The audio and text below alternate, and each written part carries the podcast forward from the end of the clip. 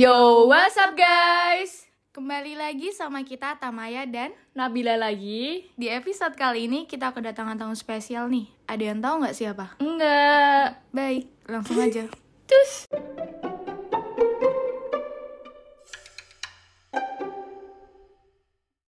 Mbak.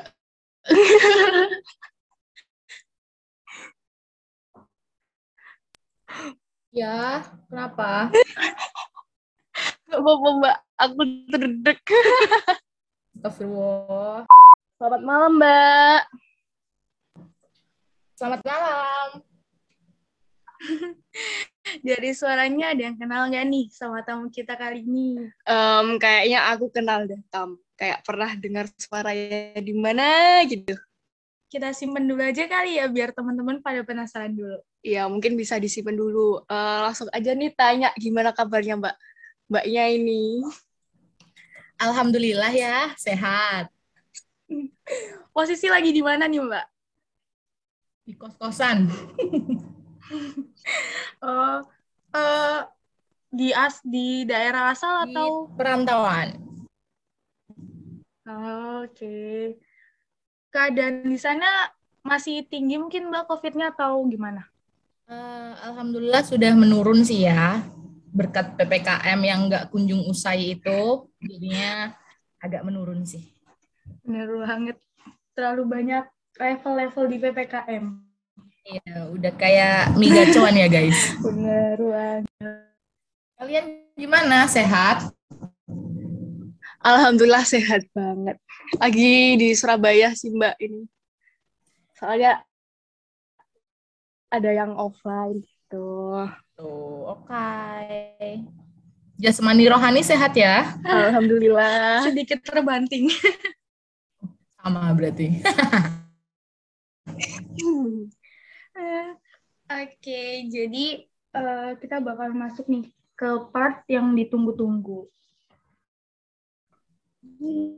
Yuhu, jadi kita di sini bakalan sedikit mengulik-ngulik tentang Mbak Saper karena teman-teman banyak yang kepo gimana Betul. kepribadiannya Mbak aslinya Mbak Saper yang terkenalnya galak sampai sekarang. Iya gak sih Tam? Bener banget. Karena kebetulan eh, kita pertama kali ketemu Mbak Saper itu waktu jadi all-star-nya tim Eval Pemaba nih.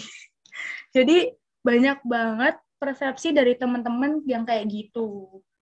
Ya, dan kita sudah ngumpulin banyak pertanyaan dari teman-teman eh, dan di sini langsung bakal dijawab langsung sama Mbak Saper ya, biar teman-teman eh, sudah nggak penasaran lagi. Gimana Tam? Mm, bener banget. Special edition banget nih buat teman-teman.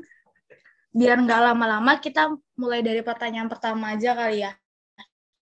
Kita sedikit throwback ke kuliah. Hmm, mungkin pertanyaan pertama, Gil. Kenapa dulu Kak Saper kok pilih prodi kimia? Ah, Oke, ini udah bisa langsung dijawab. Boleh banget. Silakan Mbak Saper. Kenapa kok memilih prodi kimia? Karena dulu itu waktu SMA tuh aku suka banget sama kimia dulu ya, pas SMA. Nah, tapi giliran pas udah masuk kuliah ternyata kimianya berbeda dengan yang di SMA. Betul tidak? Betul banget. Jadi kayak ngerasanya ah kimia di SMA begini begini begini doang gitu. Ternyata pas udah masuk kuliahnya wak wow gitu sih. Apalagi ketemu KO ya. Bener banget. Sedikit terbanting dengan kenyataan. Iya betul. Eh, sebelumnya masuk kimia apa nggak ada pilihan pertamanya mau ke mana gitu Mbak? Ada sih. Di mana tuh Mbak kalau boleh tahu? Eh, sebenarnya pengennya itu ke ilmu komunikasi sebenarnya. Hmm, Ilkom. Agak agak ini ya, Sedikit agak- sangat jauh ya Mbak. bertolak belakang banget ya Tam. Iyalah, sangat berbeda. Oke. Kan sedikit eh, banyak perbedaan ya dari perkiraan sama waktu udah kuliah. Nah, dulu waktu kuliah, mata kuliah apa sih yang paling disukain sama yang nggak disukain? Kalau mata kuliah yang paling disukain sih tentu saja agama Islam. ya, karena nilainya A ya Mbak ya. Pasti. Akan kita hafal doa-doa dan mengamalkan uh, apa? Mengamalkan syariat-syariat Islam, insya Allah kita dapat nilai A ya. Kalau yang paling nggak disukain itu kayaknya uh, apa ya? yang nggak disukain itu nggak ada sih suka semua sih maksudnya netral lah nih jadi aku mending diem aja sedikit berkembalikan sama kita nih mbak. Kalau yang disukain nggak ada. Nggak boleh gitu guys. Harus semangat guys. Ah ya lumayan. Lumayan semangat ya. Masih terpantau aman lah ya. Alhamdulillah. Terus ada nggak dosen yang berkesan waktu kuliah buat Mbak Saper? Ada dong. Kalau dosen yang berkesan itu tentunya kayaknya dosen wali aku sendiri yaitu Mulia di Tanjung. Bapak Mulia di Tanjung dosen kimia organik, tahu kan? Ya bintangnya dosen ya, Mbak. Nah, iya, itu kebetulan dosen wali aku. Jadi memang bapaknya agak sedikit galak ya tapi sebenarnya beliau itu baik jadi beliau membantu beliau sangat membantuku untuk lulus tepat waktu sih menurutku gitu karena beliau sangat sangat uh, memberikan apa ya memberikan masukan-masukan yang baik dan lebih baik memilih matkul ini matkul itu gitu sih memberikan arahan petunjuk yang baik dan benar agar bisa lulus tepat waktu gitu soalnya aku kuliah selama empat tahun tuh di ujung tanduk terus gitu jadi menurut aku beliau ini sangat uh, berjasalah untuk kehidupan perkuliahan aku gitu sih.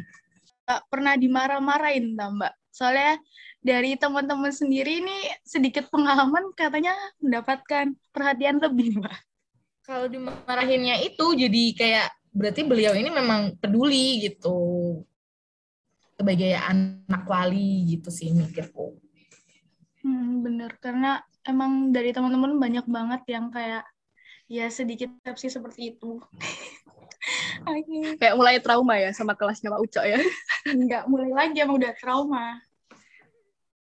Hmm. Ya kalau di kelas ya emang begitu guys. Iya. Jadi awal tuh dulu kaget, sedikit kaget. Iya, langsung di sini. Banyak pertanyaan gitu. Kalau kalau uh, dari segi kuliah offline gimana ya Mbak? Pak Mulyadi Tanjung ini? soalnya soalnya kita masih belum pernah diajar offline mbak dan kayaknya setelah ini bakalan diajar offline Kalo diajar offline ya ya gitu ya galak galak tegas nggak boleh mainan HP nggak boleh ngobrol ya gitu gitulah iya iya pastinya ya hmm. um, dulu skripsi ambil bidang apa nih ya fisik Wow. Dosbingnya? Dosbingnya Bapak Toko dan Bapak Budi. Kenapa kok nggak ngambil bidang organik? Bap Bapak Toko sama Bapak Handoko ya Allah lupa aku. Oh jadi udah lupa ya Mbak. udah setahun kan maklum faktor setahun. Kenapa nggak ngambil organik? organik karena aku nggak bisa deh aku nggak bisa organik jujur aja nih tapi kalau di KF sekarang udah mulai ini sih mbak bulat ya mbak ya semakin ke atas. Uh, iya sih. Kalian udah yang integral tumpuk tiga itu bukan? Udah belum? KF tiga. Lupa KF berapa yang... ini apa? Udah mulai masuk habis perdif, udah mulai perdif masuk ya? integral. Ada materi-materi perdif ya, gitu sih mbak. Itu sih yang mumet-mumet ya tapi yang semakin ke atas ya. gampang kok. Insya Allah. Insya Allah. Tapi tapi ada perbedaan nggak sih mbak sama antara teori sama mungkin skripsi atau di dunia kerja itu apa lebih mudah atau lebih susah gitu? Hmm, kalau praktek itu pasti lebih susah sih ya daripada teorinya. Karena kadang prakteknya itu nggak sesuai sama teorinya. Jadi kita harus Tapi kan kita sebagai anak sains itu lebih harus percaya sama itu sama teorinya baru dipraktekin gitu kan. Kalau tidak sesuai berarti kita yang salah gitu kan. Jadi menurutku lebih susah ke prakteknya sih karena teorinya itu kita selalu anggap bahwa teori itu betul gitu. Paham nggak? Hmm, bener. Uh, kenapa kok milih kimia fisik nggak? Karena uh, jujur aja aku nggak suka yang ribet karena kalau kimia organik kan udah susah ribet kan. Dia ngelabnya kan terus-terusan sampai malam-malam juga kan. Males banget dong. Kecuali memang kalau orangnya itu adik apa addicted sama itu sama kimia organik. Terus kalau kimia analitik itu aku juga nggak suka. Soalnya kan ngitung ya ribet ngitung kecil-kecil pengenceran gitu-gitu. Kan banyak banget tuh ngitungnya itu aku juga nggak suka. Terus kalau misalnya milih anor itu waktu itu angkatanku yang dapat anor itu dosennya dikit banget. Soalnya waktu itu dosennya tuh pada kuliah jadi untuk uh, kuota anor tuh sedikit. Jadi ya udahlah daripada rebutan ya kan? Ya udah ambil fisik aja. Terus kalau misalnya kimia fisik itu kan kebanyakan juga bapak-bapak akan dosbingnya nah itu menurutku kalau dosbing cowok itu lebih kayak efisien gitu loh di menurutku sih. Hmm. Oh, boleh boleh di note ya buat Tamaya ya. Sedikit tips mungkin ya. buat teman-teman semua nih yang, yang masih pada bingung milih apa. Tapi kan pasti menurut teman-teman itu uh, uh, dibandingkan analitik mungkin hitungannya lebih susahan kimia fisik nih kak. Itu menurut Kak Saper berarti lebih susahan kimia fisik, eh lebih susahan kimia analitik ya. Kalau menurutku kalau di kimia fisik itu bisa nggak semuanya hitungan. Karena kimia fisik kan juga ada instrumen juga ada kayak aplikasi gitu-gitu kan. Sedangkan kalau sama analitik sendiri itu untuk pengaplikasiannya tuh juga harus ngitung kan. Pasti adalah detail sedikit yang ngitung entah ngitung apa kayak gitu loh. Jadi menurutku lebih neliti kimia analitik sih. Hmm. tapi kimia analitik Sama dosennya cewek-cewek kan. Nah, kalau cewek-cewek itu enaknya yeah. tuh perhatian dosennya. Kalau dosen cowok mah cuek. Diperhatiin sama dosen. Mm -mm. Apalagi kan buat teman-teman terutama angkatan 2019 ya belum pernah rasain ya praktikum cuma pernah praktikum kimia dasar kimia dasar dua pun cuma setengah, setengah doang jadi kayak kurang banget pandangan gitu kak dari praktikum-praktikum yang lainnya. Jadi ya mungkin dari podcast ini sedikit bermanfaat nantinya buat teman-teman juga kayak gitu. Ya kalau misalnya apalagi udah semester lima. kalau misalnya kalian belum pernah nge-lab uh, nge-lab offline itu sedikit spill. Kalau misalnya yang labnya lama itu Anor Anor itu nge-labnya lama jadi kayak bisa kayak ngoven itu 48 jam, 36 jam gitu. Maksudnya tuh prosesnya tuh lama gitu kalau anor. Terus kalau organik juga lama juga kalau sintesis kan dan belum tentu selesai juga gitu. Kalau analitik lebih ke ketelitiannya sih, apalagi kalau misalnya tapi banyak loh yang suka kayak uh, misalnya ngukur apa gitu kan, harus tepatnya dimilih berapa, terus harus per tetes per tetes gitu. Nah kalau misalnya aku sendiri dulu pas pengalaman pas nge-lab analitik itu nggak sabar harus tetes per tetes nggak sabar. Aku akhirnya tak sok gitu sebenarnya kan. Kayak bukan kayak gitu cara mainnya gitu kan. Makanya lebih baik kalian harus bisa mendalami diri kalian sendiri. Kalian itu sukanya itu yang kayak gimana yang efisien atau memang butuh ketelitian atau memang pengen sintesis kan sintesis kan mencari sesuatu yang baru senyawa baru gitu kan. Mungkin bagi kalian itu menantang jadi karena semuanya juga ada enak nggak enaknya gitu. Hmm, bener banget. Ini bener-bener jadi pandangan juga sih buat teman-teman terutama angkatan 19 mungkin ya yang belum ada pengalaman nge-lab sama sekali. Gitu. Terus mungkin ini sedikit kan tadi kan udah kita spill uh, salah satu CV-nya nih. Nah, mungkin uh, banyak juga pertanyaan dari teman-teman. Terus pada kepo, gimana sih dulu kok uh, Kak Saper dari awal kok langsung berpikiran untuk join ke BEM UNER? Padahal kan kalau misalnya dilihat-lihat kan pasti kan kalau awal kan pasti kayak, uh BEM UNER pasti masuknya susah. Terus kayak akhirnya uh, mungkin dicoba dari Hima dulu atau dari fakultas dulu. Mungkin uh, Mbak apa Mbak Saper bisa sedikit spill nih gimana kok dulu kok berpikiran langsung buat langsung join ke BEM UNER kayak gitu. Uh, kalau untuk join BEM UNAIR sendiri itu dulu pas aku semester berapa ya? Pas aku maba pokoknya tuh aku sudah ikut kepanitiaan di BEM UNER, tapi belum jadi stafnya BEM UNER. Nah, kenapa kok aku lebih tertarik ke situ? Karena menurutku kepanitiaan di lingkup universitas itu lebih besar, jadi kita bisa lebih kenal dari fakultas-fakultas lain gitu.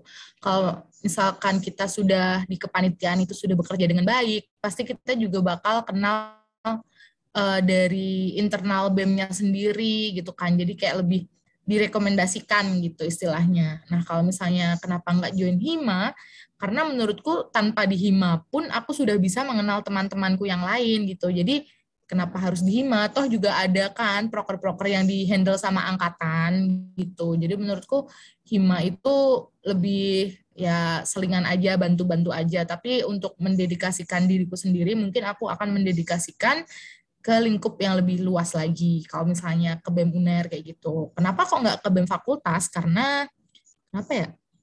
Gak tahu sih. Karena dulu ada rumor kalau misalnya udah BEM fakultas tuh nggak bisa BEM UNER kalau kayak gitu rumornya sih kayak gitu ya saya ingat aku. Jadinya aku milih BEM UNERnya kayak gitu teman-teman. Uh, gitu. Kan juga di sini uh, kita tahu kalau misalnya Kak Saper sering banget nih ikut kepanitiaan mau di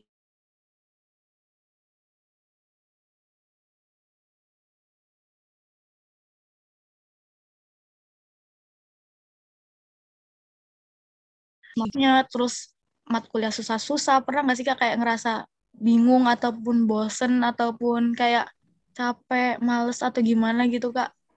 Kalau itu ya pasti jelas pernah lah semua mahasiswa pasti pernah lah kayak bingung mikir kepanitiaan sama bingung mikir tugas kuliah cuma tergantung kitanya sendiri kita mau prioritasin ke mana kalau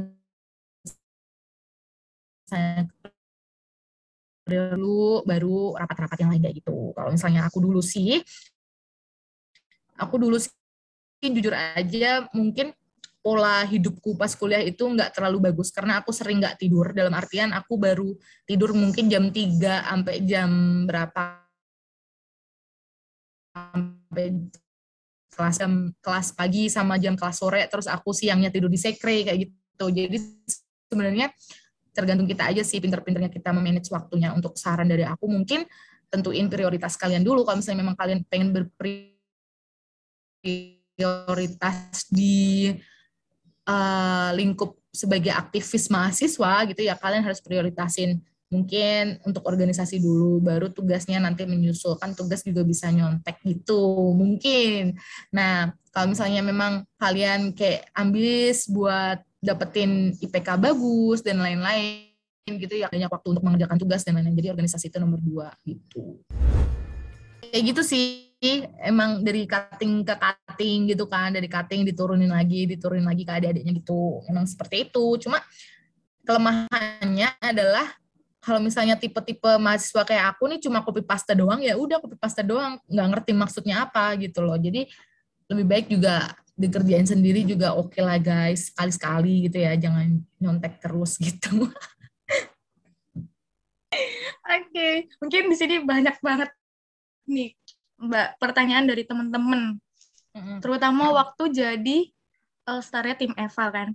Hmm, kan dulu kita inget banget nih terutama buat teman-teman angkatan 19 mungkin ya. Uh, waktu itu Kak Saper ini salah satu also ospek terus dari situ tuh banyak banget kayak teman-teman yang persepsi kayak Kak Saper tuh galak. Meskipun udah selesai ospek ya meskipun Kak Saper sebenarnya santai banget sih menurut aku. Ya kalau misalnya gimana tanggapanku kalau dicap paling galak sih menurutku ya biasa aja. Soalnya emang aku galak. Menurutku memang aku galak ya. Jadi eh, ketika memang aku harus menjalankan tugas sebagai tim eval harus menggalakin kalian ya aku lakukan dengan maksimal. Kalau misalnya memang aku dicap sebagai paling galak ya berarti aku berhasil dong mendalami peranku gitu. Nah kalau misalnya tetap dicap galak sampai sekarang ya aku sih jujur aja ya bodo amat juga guys ya. Kenapa juga gitu? Kalau aku galak emang kenapa gitu? Ini kan galak kan? Gitu sih. Kayak sebenarnya kan kalau misalnya udah kenal juga aku nggak segalak itu. Bahkan kalau misalnya udah kenal pun ketika aku galakin juga kayak apaan sih ini saper? gitu. Jadi sebenarnya kenalan dulu lah guys biar tahu aslinya gimana. Nah itu ya mungkin bisa bisa didengerin sama temen-temen. Iya bener-bener santai banget nggak sih orangnya? Berarti cuma acting ya? Iya. Tapi actingnya bener-bener keren banget sih mbak asli. Sampai teman-temanku tuh kayak agak sedikit sedih. Tapi seru banget gak sih waktu kan sebagai angkatan yang terakhir offline. Kaget ya kayak hari ketiga banyak banget iya, ya, dan yang paling ngagetin tuh uh, banyak banget cutting yang pakai jahimnya orang kak. Jadi bingung. Perasaan ini bukan orang ini. Kok namanya ini? namanya diganti ya, namanya diganti. Banget. Terus di dilewatin sambil disenggol-senggol diliatin di depan mata. Itu kan bingung malu-malu takut ya takut-takut malu. Hmm, bener banget Hmm, tapi di lain sisi gitu, uh, apa dari Mbak Sabrina sendiri setelah melakukan ke kegalakan tim eval, apa langsung ketawa-ketawa apa gimana Mbak? Ya ketawa lah. eh ngerti gak sih?